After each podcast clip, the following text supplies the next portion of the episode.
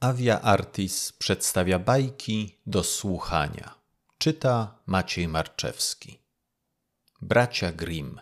Wierny sługa. Pewien król, umierając, kazał wezwać do siebie wiernego sługę, który przez całe życie niejednokrotnie dawał mu dowody przywiązania i roztropności. Teraz więc rzekł do niego: Służyłeś mi od młodości wiernie i uczciwie. Wiem, że nad ciebie nie mam przyjaciela. Tobie zatem powierzam mego jedynego syna. Czuję, że śmierć się zbliża, choć pragnąłbym żyć jeszcze, dopóki on z młodzieńca nie stanie się mężem rozumnym i doświadczonym, ty jeden zastąpić mnie możesz. Przysięgnij mi, że będziesz czuwał nad nim jak ojciec, wspierał go radą i uczył wszystkiego, co umieć i znać powinien. A spokojnie zamknę powieki.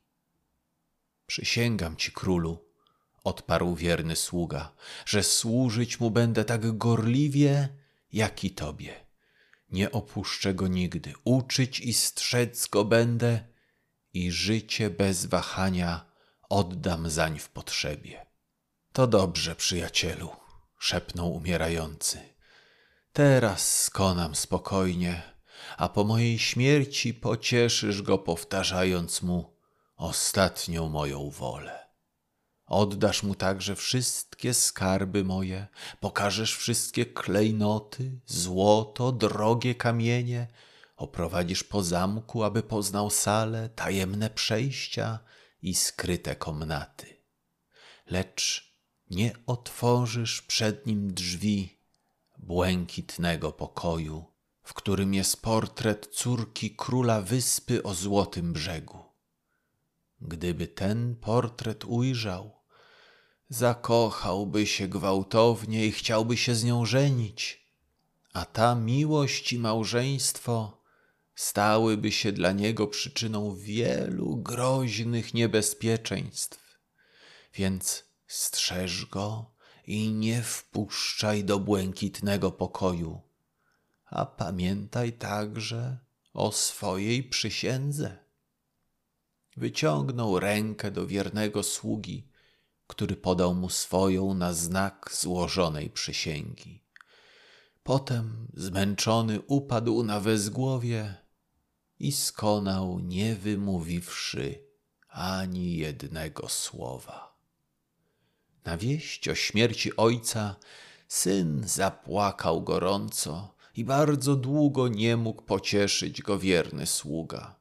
Przez cały czas żałoby młodzieniec stronił od ludzi, unikał wszelkich rozrywek, a dni przepędzał na poważnych rozmyślaniach i rozmowach z przyjacielem ojca, który powtarzał mu ostatnie słowa umierającego i swoją przysięgę, że w potrzebie życie za niego gotów oddać bez wahania.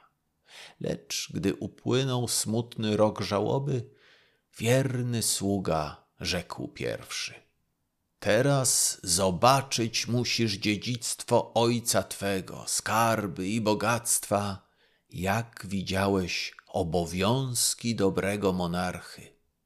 Pójdź, oprowadzę cię po całym zamku, abyś poznał wszystkie sale i tajemne przejścia, obejrzał kosztowne sprzęty i klejnoty, policzył złoto w skarbcu zgromadzone. I Poszli razem. Sługa wiódł go wszędzie, nie otworzył jedynie drzwi błękitnego pokoju i minąwszy je, poszedł dalej.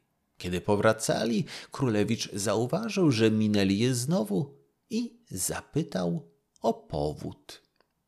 Nie możesz tu wejść, królu, rzekł poważnie wierny sługa, gdyż byłbyś narażony na wielkie niebezpieczeństwo przed którym strzec cię muszę.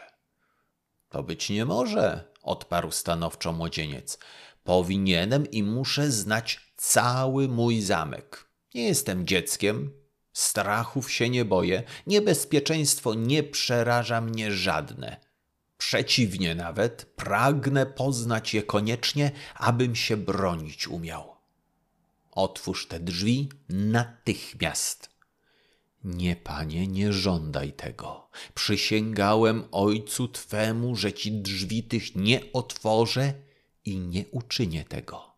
Pamiętaj, że taką była jego wola i szanować ją powinieneś. On wiedział przecież, dlaczego wejść ci tam wzbrania.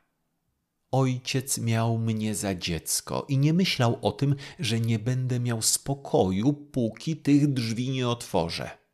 Mąż, rycerz i monarcha nie może lękać się rzeczy nieznanej i ustępować przed nią. Nie ruszę się z tego miejsca, dopóki drzwi nie otworzysz.